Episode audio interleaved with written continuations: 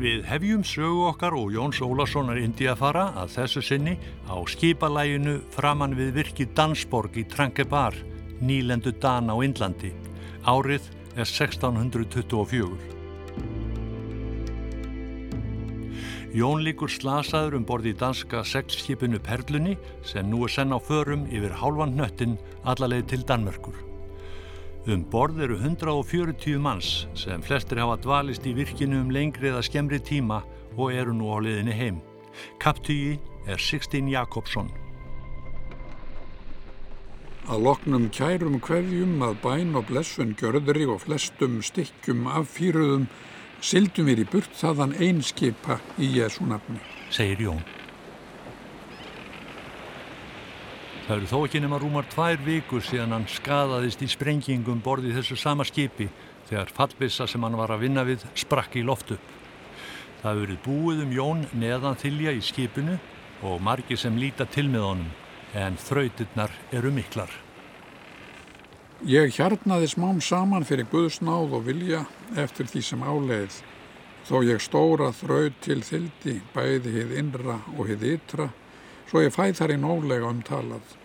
Mitt hár lág löst á mínu höfði, svo það mátti afstrjúka sem eitt löst duft. Mitt skegg aflaut allt fyrir neðan munnin, en hitt varðveittist undir trúlegri aðgætni með hárinu sem með dúk var umbundið sem með hverju dagri hlaut aftakast og plokkast og var sem úr smeltu vaksi hefði verið upp dregin af þeirri fytu sem útgekka mínu holdi, svo sem og annar staðar af öllum mínum líkama út kúaðist mergur og fyta, svo flestu mínum skirtum hlaut í sjó að varpa. Hvernig leita hann út þegar hann láða þarna eftir að hann búin að skjóta á sér fingur og hold og þegar fallbissan sprakk í fangin á honum Þórun Jarla Valdimarsdóttir Hvað fekk að marga púða? Það voru allir svo góði við hann af því að það vantið ekki með einhvern skipherjana að hann fekk svo marga púða til að hafa í kringu sig þannig að láða þarna í 7 vikur á bakinu og 14 vikur. En hann misti þarna fingur og hendur brunnu og það var hans góði skipherra sem kom í veg fyrir að Bartskerinn tækja honum höndina. Uh, og, og svo segir hann það að það hefði sérst í kvítbeginn til að sprakka þetta líka og brann allir framann á búknum en andliti verist á sloppin okkur veginn. En hvernig leita hann út? Uh, og hvernig ókvílik snild akkur kom ekki drefið og hann drafst hann lág í 14 vikur 7 vikur á bakinu og allir voru svo góðið en hann. Fikk allt vín sem hann vildi og allt gott á borðin hann hafði hvorki listin eða svo kom listin en æg hvað ég vildi fá að sjá hann. Uh, og engar lítalækningar hann sagði allt hárið að fara á hefðinu vallarótin gaman að velta sér fyrir sér. Bjarni Harðarsson Jón Ólafsson er nú einn af þessum mönnum sem að sem gaf mér kjark til að, til að fyrir kenningu sem ég hef um sko um þetta af hverju Íslandingar skrifa svona mikið. Menn hafa haft sko kenningur um þetta lengi og, og algengasta kenningin hérna áður fyrir var náttúrulega svo að við værum bara einfallega miklu gáðari heldur en aðra þjóðir en eh, sveitungi minn eh, Bergur á laug sagði eitthvað tíma þegar kom til tals eh, hvernig túnamenn nöðbeittu skóin í Haugadal og skógatamenn voru að bölsótast yfir því og, og, og þá sagði Bergur túnamenn? Þetta er allt bölvaði beinasnar ég ætti að vita að ég hef verið hérna í 80 ár. Og, og sama ennú vitum við nú sem hefum verið meira en halva öld á Íslandi e, og tilurum þessari þjóða við, þetta er náttúrulega þessi þjóður ekki gáðar en aðra þjóðin um að síðu sé e, það er eitthvað allt annað sem veldur því að við skrifum og skrifum í sífællu í gamla daga. Og það er við sem skrifum sögu Norriskonunga og, og skrifum uh, goðafræðina og það er Jón Ólafsson sem bjargar ímsu fróðleik um sögu kaupanahafnar sem er hvergi að finna nefn í hans bókum. Og hvers vegna gerist þetta? Það er vegna þess hvernig við búum við búum svo einangra eina menningar aftreyingi sem við getum haft þú getur ekki farið á pöppin og sagt sögur þú getur ekki sest á þorpstorkið og, og, og, og dansað og látið í eh, ljósitt skína þú getur ekki farið að segja endalust sko konunni þinn eða vinnufólkinu sögur þá tapar bara þínu status sem húsbóta þínu heimili og, fer svo bara vergang uh, innan fára ára eini trösti félagin sem getur eignast í menningarafþreyingu er pergamentið og setna í tíð Jóns papirinn og Jón er svo gott dæmi með þetta það eru nærgilega óröggrétt að þessi maður sem er bara svona rétt bjargáluna eða svona millistjættar bóndi púlsmaðurunni hann skrifi öll þessi ósköp en, en, en þannig er svarð held ég við því. Og, og, og, og náttúrulega þessi ævintýra þrá Jóns uh, í upphafi söguna, hún er mjög skemmtilega líka. Eina papagauju þaðan höfðum við með oss til ferðartekið. Svo eða kunni mannsmála tala bæði í indianísku, portugalísku og þísku tungumáli. Og nærfjör hafðum nær 11 vikur í sjó verið, síktist hún og talaði general hart til að hann hefði sendt sig í slíka háskasamlega reysu og hvaðan valdan vera síns döiða ef hún þess vegna dagi, en þó ef Guð vildi svo vera láta sagast hún til friðs gerðan skildi vera. Og þar eftir innan þryggja daga dó hún og varð útbyrðis varpað. Barthskerinn Arndts er um borði í perlunni en hann gerði að sárum Jóns eftir sprenginguna. Hann hefur tvo fingur Jóns með sér í lítilli öskju og telur sig eiga þá. Hvað mér lít líkaði en var þó svo búið að líða. Menn hafa trú á að afskortin fingur geti komið í vekk fyrir að menn villist og þá er nokkuð til unnið. Og kokkur skipsins Hans Pétursson verður til vandræða strax í upphafi ferðar og gjörir stort klamar í eins og það er lótið heita. Hann er saður haldinn íllum anda og talinn hafa gert kontraktið sjálfan andskotan. Hann hafiði til reyðu eldröðan brandfork og með honum hugðan kaptjúgan gegn renna hefði ég ei við litið og til kaptjúgan skripið, segir Jón. Mér finnst hann frábæri töfundur. Hann hefur þetta auga fyrir hlutum. Þórarinn Eldjárn.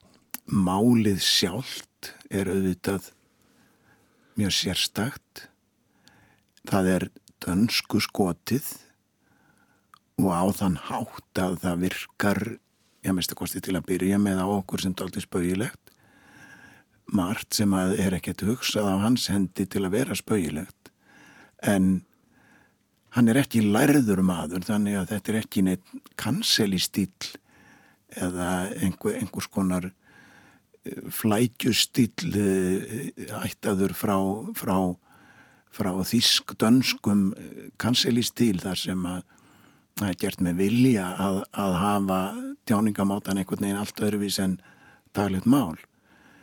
Hann heldur sig alveg við sitt alþýðu mál þó að það litist auðvitað af dönskum og uh, nöfnum úr öðrum tungumálum líka yfir alls konar fyrirbæri sem hann hefur aldrei séð fyrr. Og uh, ég var svona alltaf mjög heillandi sagan sem hann segir að páagögnum sem er þarna um borði í, í skipinu sem að, að svona uh, já er orðin afskaplega veiklaður af, af, af þeim ragningum og remmingum sem að hefur komið yfir hann eins og allara skipverja og þessi págökur hann endar með því að að flytja ræðu á portugalsku yfir uh, þessum skipverjum. Svona þar sem hann harmar sitt hlutskipti og álasar þeim. Og, og uh, hérna svo lætur hann lífið. Og svo verður þessi ferð ekki neinn smá rakningaferð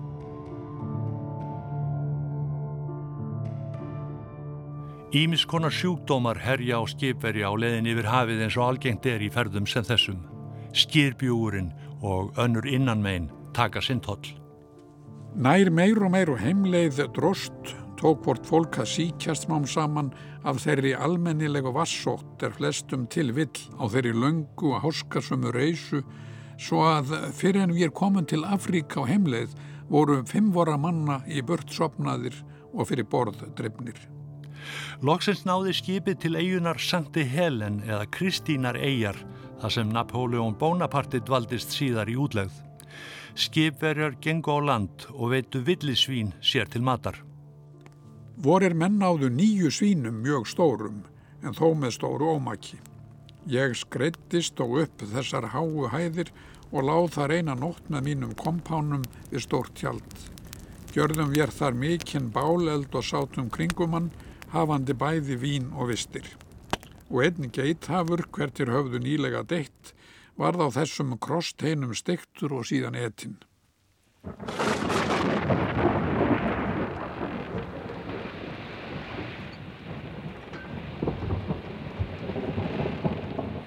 Þegar skipið er komið norður undir Tyrkeríið, eins og Jón kallar það, lendir það enn í miklu mótvindi og yllu veðri.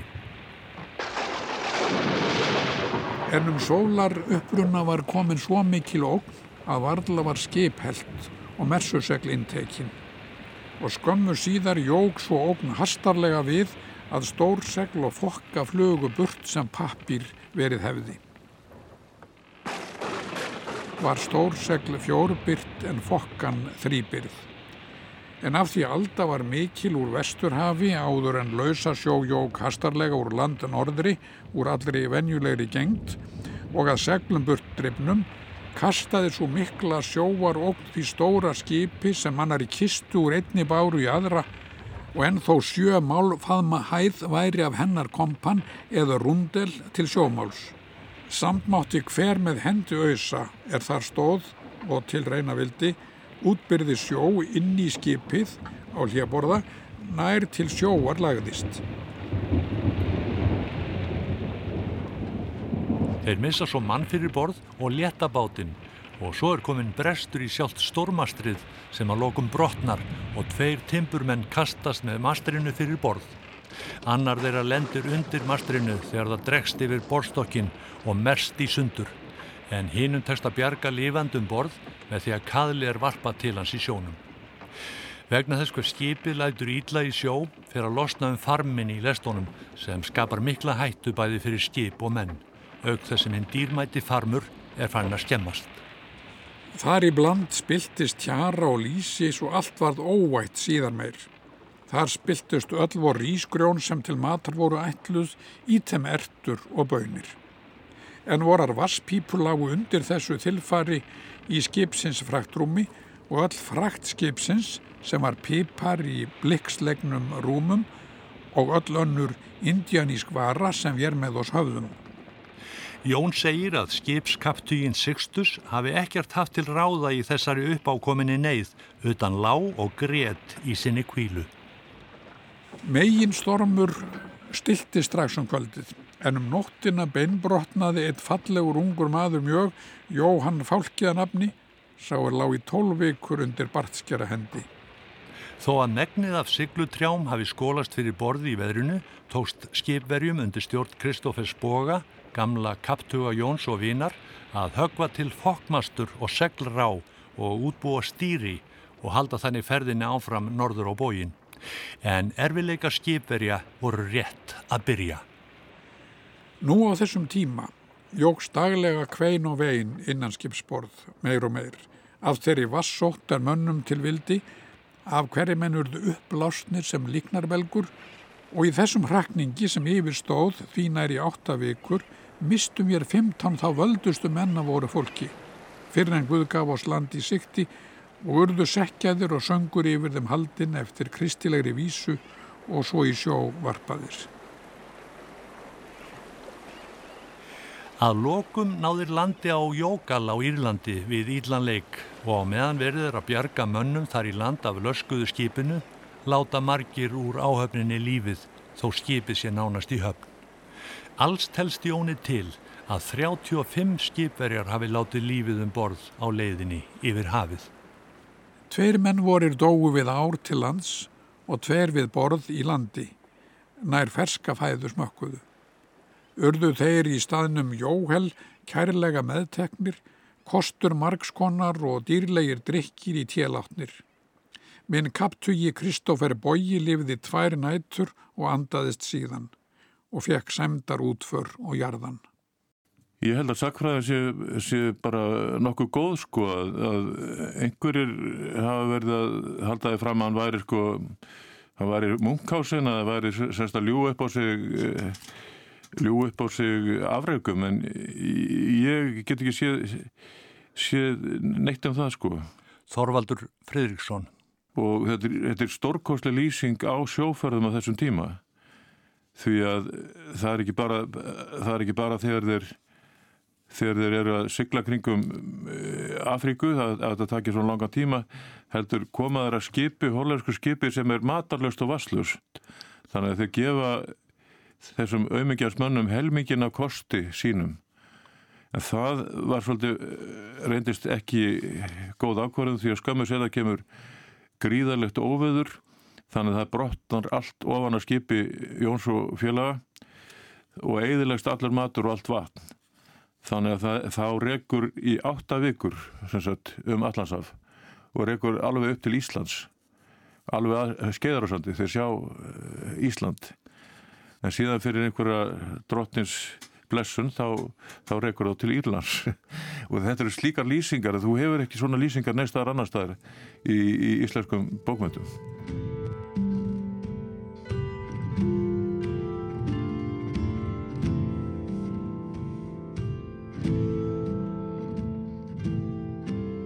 Jón Ólarsson komst að lókum heim til Kaupmannahafnar, skömmu fyrir vetunætur á því herrans ári 1625. Hann hafði í þessum hrakningum tapað aðlegunni og í raun heilsunni en hlítur fyrir þjónustu sína bref undirritað af prinsinum Kristjáni V upp á jarðnæði á Íslandi fyrir þjónustu sína við konung. Þennan vetur var Jón í Kaupmannahöfn til lossamentis hjá þeirri frómu kvinnu Kristínu Sörensdóttur, ekki Jóns Haldurssonar, stadbróður hans og vinar, en til matar og drikjar var hann hjá ríkisins admiral. Jóni var bóðin álitleg kennarastað í Kaupmannahöfn sem hann vill ekki þykja. Frændur hans Hannes og Baltasar, sinir Pétus skittu upp á alls frænda Jóns, bjóða honum að búa hjá sér til síns erlegs uppeldis um alla hans lífstíð eins og skrifastendur. En Jón vill heldur ekki þykja það góða bóð. Hugur hans stendur heim, heim til Íslands.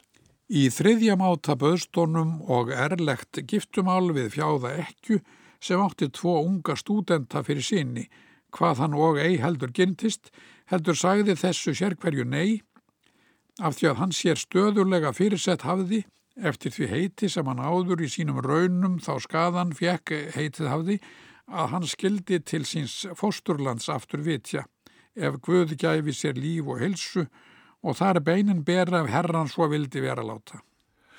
Um vorið tók Jón sér far með Íslandsskipi á samt höfusmanninum Holger Rosenkrantz og komu þeir til landsins út í seilunni hjá Bessastöðum hvar ég var til, ég með höfðusmanninum og hans fylgjurum upp á alþingfórum á tilsettum tíma og fann ég þar marga Íslands höfðingja. Með sér á skipinu hafði Holger höfðusmaður tvo apa og þótti saga til næsta bæjar að apakettir væru til Íslands komnir. Hvar á íslenskum sem það eigi fyrir séð höfðu þótti starfsínd á að horfa og sögðu danskir íslenskum að þetta væri óst-indianíst fólk og Jón Ólafsson skildi og kynni að útþýða þeirra mál. Hverju íslenskir trúðu og einn íslenskur maður buktaði sig og neyði með referensíu fyrir þessum indianísku hjónum. Hverju mann gaf fjögur pör sokka sem að sagði sína konu hefði þeim sendt hvar af þeir dönsku höfðu mikið gaman. Hann er náttúrulega að segja skemmtisugur. Völundur Óskarsson. Í bland við svona, já, svona Já, það er í þessu margt svona, það er svona, það er svona, er svona svolítið píslarvætt í þessu, en svo líka svona á einhver hetjuleikur. Og svo náttúrulega er það réttlæta sjálfan sig og hans gjörðir svolítið sko.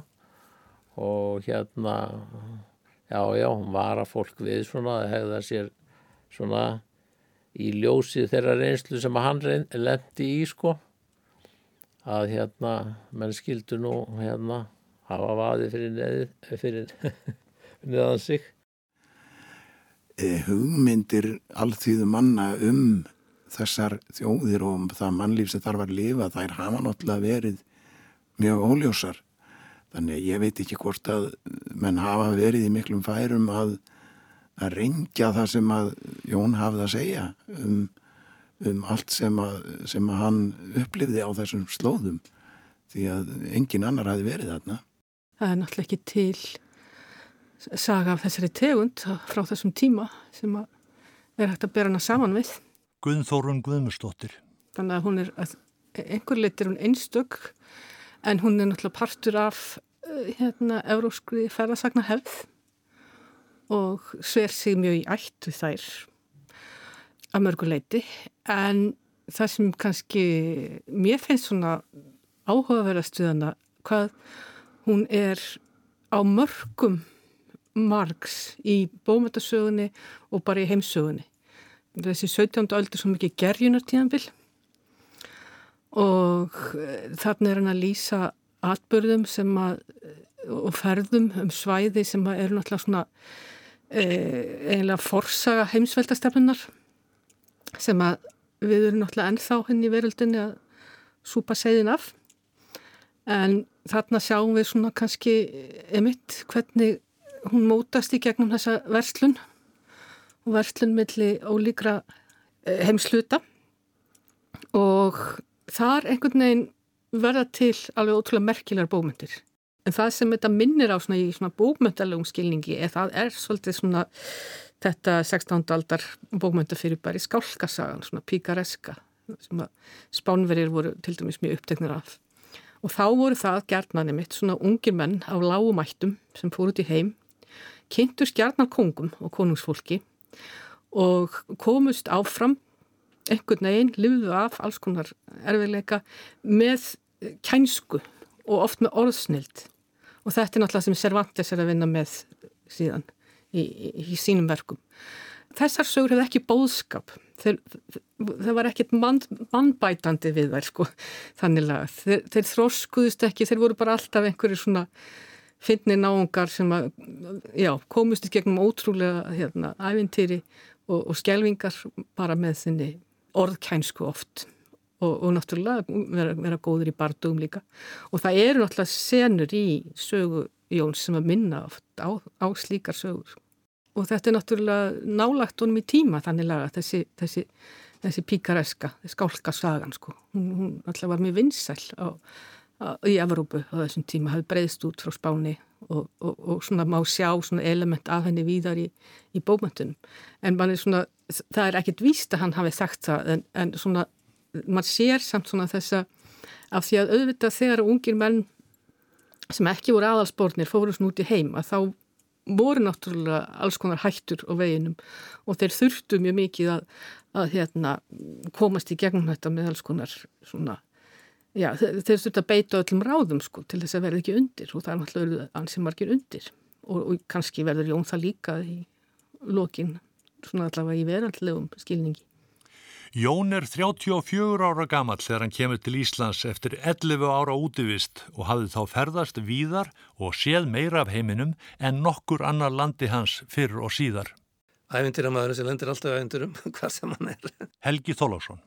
Hann kemur á það hárið eftir tíma til að lendi í ævintýrum því hann er alltaf komið til bestastaða fyrir en Tyrkir koma þarna á tveimur skipum og þá er hann bara munstraðu strax á fallbissu Rosenkrantz höfðusmaður fekk hann til þess að, að fýra stykkjum, hann fýraði stykkjum þannig, það er að segja skauta fallbissum og þá brá náttúrulega Tyrkjónum hansi mikið. En ströndu þessu öðru skipinu þurfti að tæma það og flytja varningin yfir í hitt skipið. Kostuði varningi fyrir borsko sem þeir eru hýrt úr dönsku skipi. Og hann raka á land og þá komist með naði sko úr hvaða skipið það var. Þetta var þó Ísafjörðar kaupmaður, skutilsverðar eirar kaupmaður sem átti varningin og þeir eru þá tekið skip hans fyrir utan Grindavík. Og tóst að losa skipið og svo segir sagan að Íslandikar hafa verið svo ónæði með þetta, þeir skildi ekki bara skjóta á það þá hefði Jón og Heldurbyrtu fengið hlutverk. En hann bannaði það hann Holgir Rósengras höfðusmöður og hann fekk sko mikið lof fyrir hvernig hann stóð sig þarna þegar hann kom heim til Danmarkur aftur. Og þetta var ekki virt til að vansa hann skildi ekki skjóta á það Já, hann náttúrulega ósáttur að sjálfsögðu við hvernig hann slasaðist á höndunum. Hvað var það nú gáði ég eftir á blöð hérna? Hann, hann lýsti þessu sjálfu sko hvernig hann slasaðist. Um, já þrýr fingur að hægri hendi voru skattaðir halfur þumalfingur á vinstri hendi og vísifingur þar var bógin og litli fingur stífur. Þannig að það gæti ekki neft fötum til dæmis. Hann fór fram á bætur og það kom nú eitthvað það var ekkert ekki vel undir það. Og hann var ósáttur við það mjög ósáttur. Og þegar hann kom svo til Íslands þá held hann áfram að, að sækja um bætur og þá var hann svona sæmilega tekið þannig að að hún var út við að umboð á konungsjörðum en á Reykjaströndi í Skagafyrði en hann vildi ekkit vera þar, hann vildi vera í Altafyrði fyrir vestan og vildi fá umboð þar á konungsjörðum þannig hann slefti þessum jörðum þarna í Skagafyrði eftir tvö ár þar nýttist honum ekki sko, hann var það fyrir því þá að sækja afgjöldin þangað og hestum og svona hann fekk ekkit upp úr því fannst honum en hann var í miklu metum, það er greinlega sko að höfðingjar byggði honum ekki heim og hann kom við hjá höfðingjum og hann saði sögur þannig að það var svona viss upphæð fyrir hann auðvitað. Silja Adalsteinsdóttir. Frásagnirnar hafa áreinilega slípast mikið á þessum áratugum sem líða e, frá því hann kemur heim og þanga til hann e, kemur sögunum neyra á blað. E, nú veit ég ekki hvort hann hefur skrifað þar sjálfur, hann er náttúrulega með, hann er með, með íllafarnar hendur, hann mandar fingur á báðar hendur hann hefur kannski haft rítara en sonur hans Ólafur skrifa svo viðbót Já.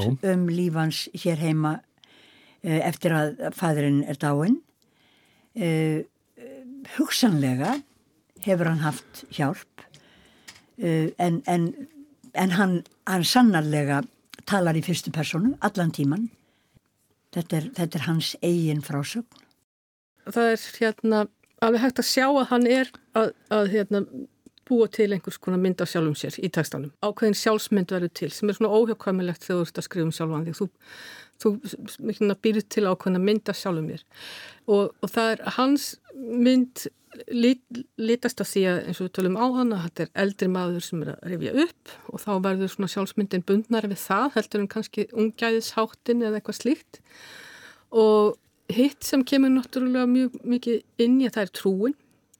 Af því að svona fyrir áður en svona verallega sjálfsæfisur til að þá var náttúrulega oft sko réttlæting alls var það að þú varst að hylla þinn drottin með þínum skrifum og þú ert að þakka drottni fyrir að þú skildir hafa lifað af einhver óskup eða einhver, eitthvað slíkt svona eins og í píslarsögum eða hjáttningum eða slíkt þannig að þessi saga ber mjög mer mörg merk í svona hjáttningasagna og píslarsagna en hún er líka einhverju leiti skilur sér frá þeim og er komin svona nær kannski þessari verallu sjálfsæfi sögu.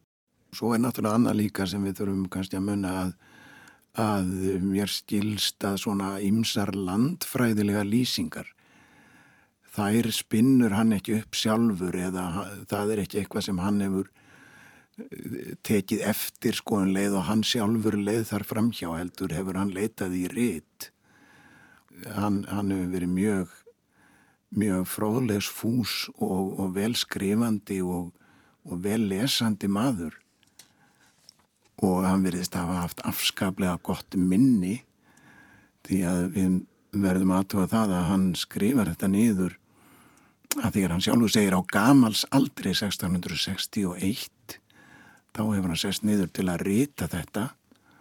Og það er beinlinis aðdána verðt hvaðan mann hluti vel. Auðvitað hefur þetta fest í minni þegar hann er að segja sögurnar. En mér finnst það síður en svo að ganga allar út á það að hann sé að, að gera sinn hlut svo mikinn og merkilegan. Auðvitað stundum eins og við nefndum að, að, að kannski gerir hann full mikið úr því þegar að hinn er háa herrar er að leita til hans um, um ráleikingar en mér finnst hann ekkert síður tala um sínar eigin ávirðingar þar sem honum verður á. Og þetta er náttúrulega skrautlegt lífverðni þarna á þessum hermönnum og varðmönnum. Það er mikil drittjuskapur og maður sér það það er oft beinins í tengslu með það eru, eru slagsmál og og, og jafnvel að menn leggja hver til annars með nýfum og hann er ekkit sérstaklega að færa sinn hlut held ég. En augljóslega eftir að hann skrifar þessa sögu sem er þá bara beinlíni 1661 þá er hún komin frá honum í handriti að eftir það þá fer þetta dreifast uh, og er skrifað upp og skrif, uppskriftir uppskrifta og svo framvegis sem að bara segi bara þá sögu að þetta hefur verið vinsælt lesefni. Nákvæmlega eins og mjög marga rýmur og, og, og íslendingasögur. Hann er sko, hann er oft við þetta sko að sína einhvers konar mynd af sjálfum sér þegar ná í átökum með aðra. Og hvernig hann sínir fram á hvernig hann leisti úr þeim. E, oft það, það er mjög oft sem þeir fallast í faðma á hendanum og allir verða vinir.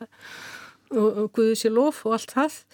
Og þessi ungi maður af fátækum stéttum að tala við sko aðalinn, við kongin, við hérna skipstjóran og, og oft í þessum lýsingum þá nær hann einhverju sérstöku sambandi við þá sem aðrir ger ekki, aðrir af pöblinum ráð ekki við sko. Þannig að það, þar er ákveðin mynd og svo verður náttúrulega líka til ákveðin mynd svona af mannunum eftir slísið. Það er líka svolítið fannst mér merkilegt sko.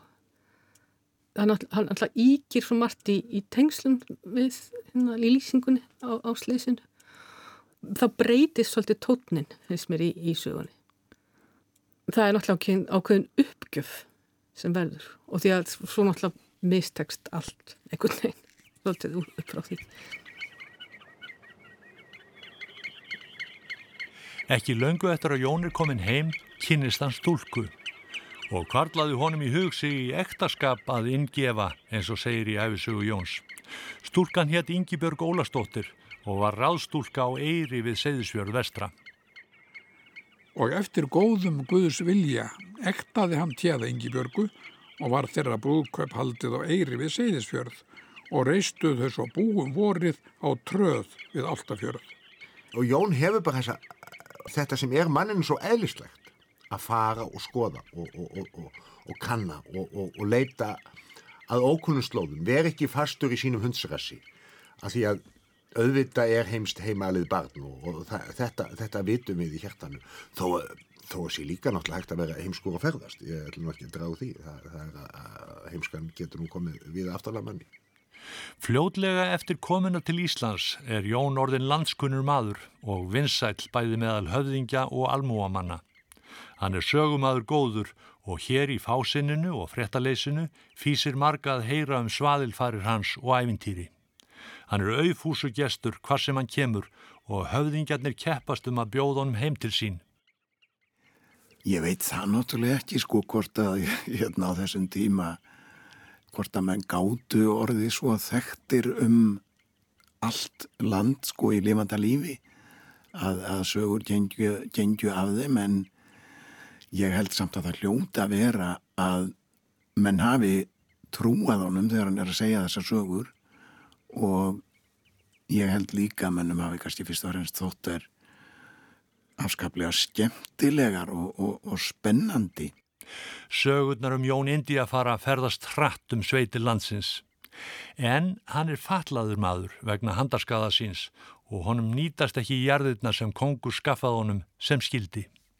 En vegna þekkingar sinnar í hernaði og sem konungleiri fallbissuskittu er honum bóðin starfi við skansin í Vesmanegjum til að sjá um varnir þar ytra og þjálfa heimamenn til varna gegn hundtyrkjum og öðrum ræningjum sem þar höfðu herjað. Fyrir utan launin fær Jón fritt í jarnæði í tem daglega mat og drikk í dönskuhúsunum hjá umbósmanni og þar til annað vist kaup árlega 50 vættir. En svo kemur í ljós að Yngibjörg kona hans kann ekki við sí í eigum. Kunni þarf við landslag og undist ég með engum óti þar að vera. En svo segir í sögu Jóns. Hvar af honum síðir störlun og langsemi með óindi fjekk. Svo Jón var henn að lofa þaðan að víkja og vestur aftur.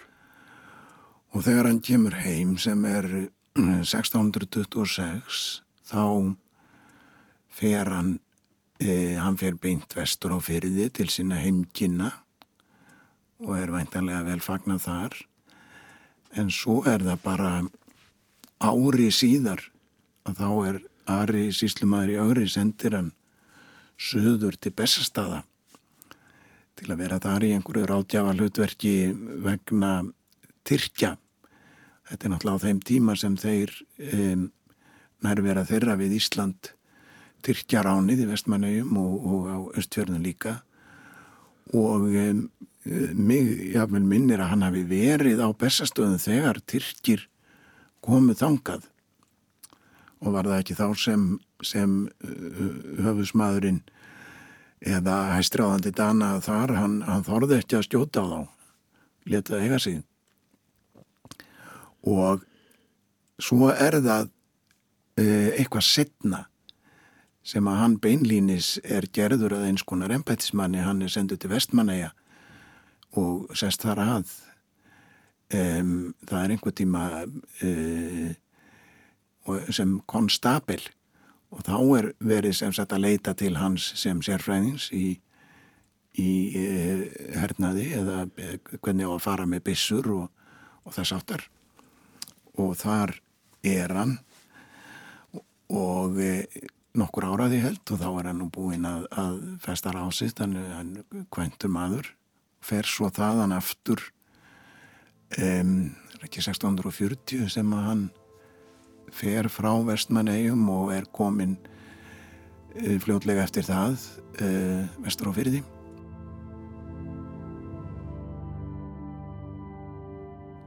Íngibjörg druknar síðar vestur í Súðavík í hörmulugu slísi og nokkru setna missis og Jón Svon þeirra ungan Kristófer Boga sem hann hafði látið skýra í höfuð á sínum gamla og góða kaptöga.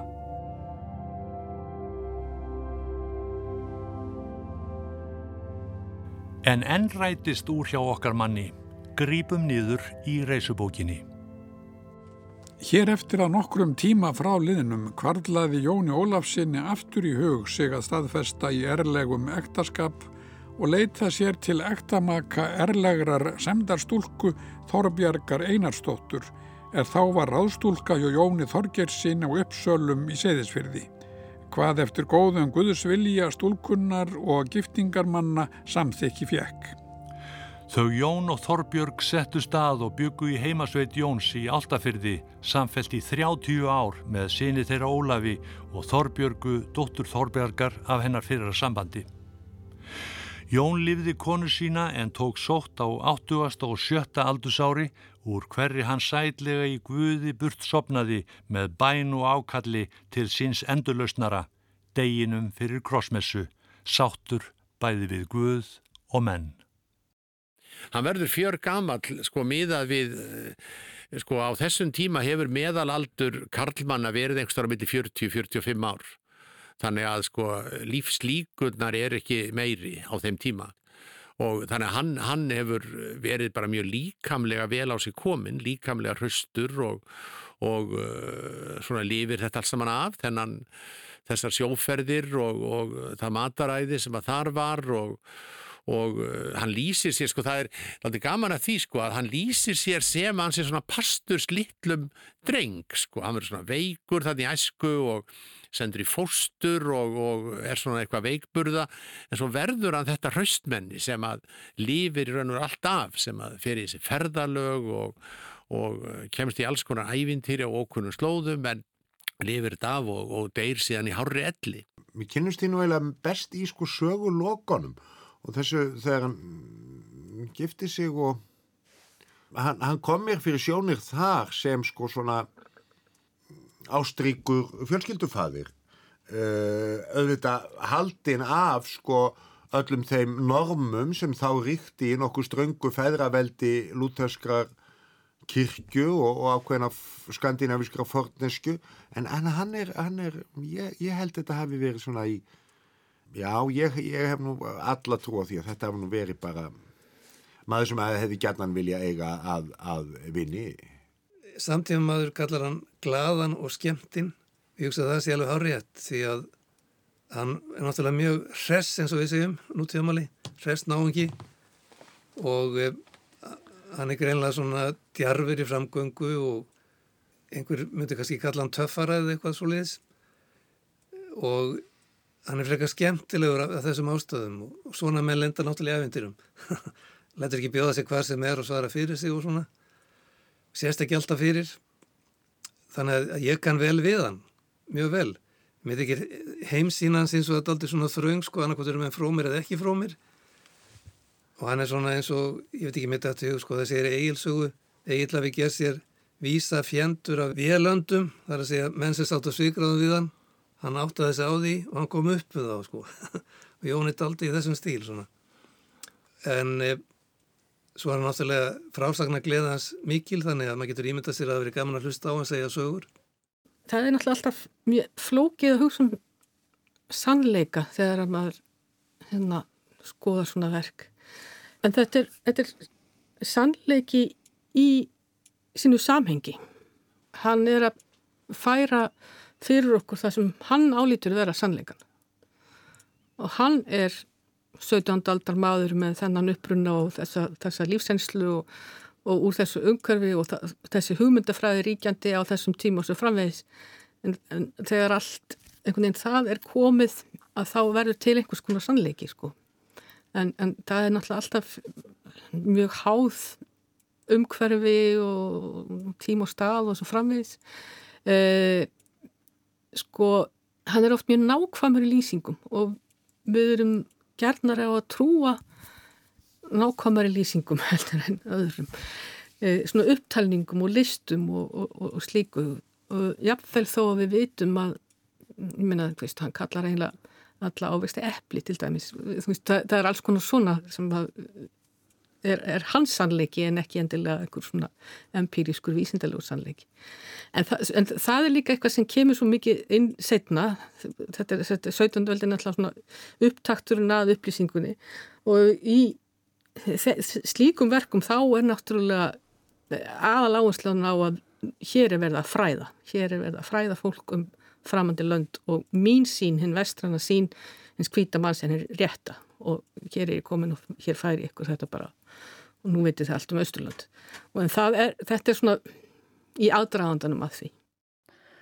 Það var mjög gaman að lesa lokakaplan sem að skrifaður upp eftir síni hans af því að hann varð svo, hann var svo sildur, hann var svo flottur að hann var bara búin að höndum allir höfðingjar, vildi fá hann í veistlur og, og öruglega góðu sögumæður eins og maður sér á því að fólk getur skrifa sig og getur líka bladrað eins og rítundu þurfa að gera þegar það var að kynna bókin sína. Ég er bara stolt að tilhöra þjóð sem á Jón, má ekki bara segja það? Og gera mig smá gleður þessu. Og, og er hann afar þakklátt að hafa brúði byrtu á þetta áðbáslega ævindýri sem þessi tíma voru fyrir okkur í dag. En þegar að fólk lasi þessa sögu áður en við erum öll með myndir af Afríku, Indlandi við, veitum, við sjáum fíl í huganum villisvín, við sjáum þetta allt fyrir okkur í huganum að því við erum með svo mikið myndafni í huganum núna, samtíma maðurinn en á sí, síðar á eldum þegar að Íslandinga voru að lesa þetta alveg myndlausir ég, ég hugleiti það aðeins munin á því Þess vegna kannski leggur hans þessu fram við lýsingarnar. Það er enga myndi til, sko. Valla. Þessi bók er uh, ótfýrætt mjög mikil svirði. Ekki bara fyrir okkur, þar sem hún geymir náttúrulega uh, ákveðna sneið af íslensku máli sem er okkur bæði kunnulegt og framandi núna. Það er stundum erfitt að skilja setningar en, en svo eru aðrar alveg eins og þar hefði verið skrifaðar í gerð. Uh, það eru líka, líka merkileg bók fyrir Dani vegna þess að hún gefur uh, mjög mikilsverðar upplýsingar um lífið í Kaupmannahöfn uh, í þessum ákveðna geira þjóðfélagsins á þeim tíma snemma er þetta á fyrirluta 17. aldar og hún gefur sjónarhorn alþýðumanns sem er náttúrulega e, afskaplega merkilegt af því það er svo sjálfgeft að það sé til svona vel út til átið, vel framreitt, skinsamlegt. Þannig að, að, að þetta er, e, þetta er merkileg bók fyrir margra hlutasakir og mér finnst mjög gott að, skuli, að hún skuli vera rivjuð upp núna því að ég hrettum að, að hún sé kannski svolítið að gleymast. Já, já, hún náttúrulega er sko Já, hún, hún er einstök í rauninni held ég sko sem, já, hér á íslenskri bókvæntasögur sko. Hún er bara ólíku allu öðru held ég sem að skrifa það á þessum tíma. Þannig að verða að lýsa hlutum sem gerðust, hann er að lýsa því sem er að gerast þarna út í heimi, skilur við. Þetta hefur mann kannski ekki gert mikið áður. Maður var náttúrulega bara ofan dottinn, eins og móður minn myndi segja.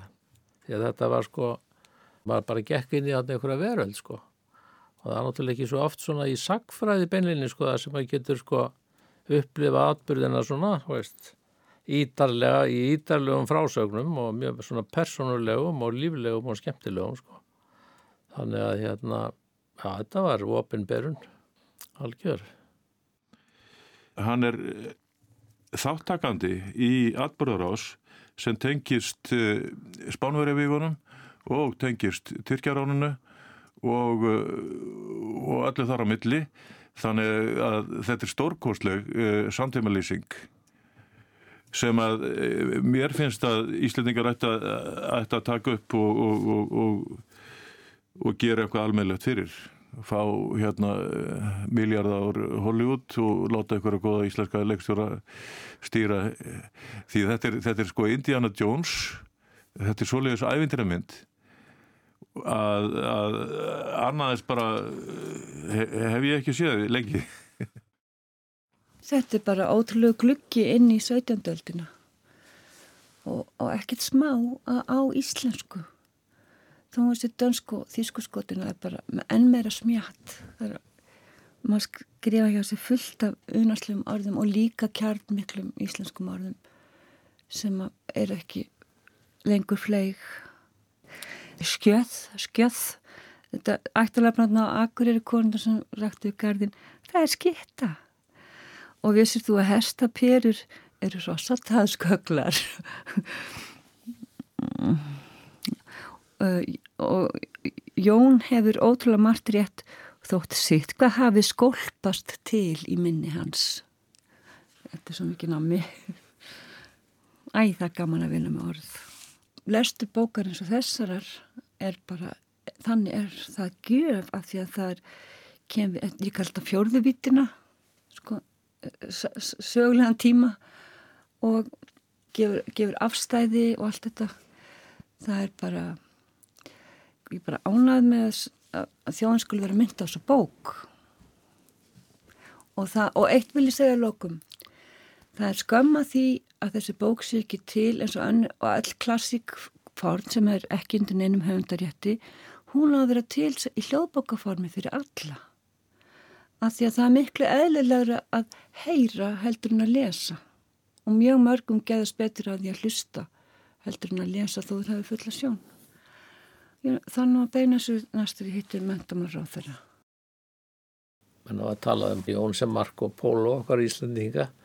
Það þetta er svona, hann hefur alveg sér status sko. Það er bara nokkuð til í því því að þannig er eins og, eins og við Marko þá kemur hann hann með splungu nýjar frásagnir sem fólk hafi ekki hýrt áður. Allir ætti að skrifa minningar sínar líka núna af því að eftir 500 ár þá er næstu lang flestir eru að hafa átt æfi í einhverjum kema sem verður mjög spennandi í langt í framtíðinni. Ég bara er í því að hvetja alla til að skrifa minningar og segja allt, koma til skapnum og, og svo máttu bara gefa út eitthvað úrval af þessu að e, setja þetta nú söpt til framtíðar og það er þerapía að skrifa um sjálf, sínar einminningar og ég vissum að Jón hefur hérna nautnast mikið og lækna sig og með því að rifi upp þessa sög þegar hann skrifa hana þá hefur hann bara marinn er þessi í, í hamingipolli sko. Það er svo gaman að opna svo gáttir minnisins og skrifa minningar sínar og gefa þær þegurinn er til að gefa hana. Og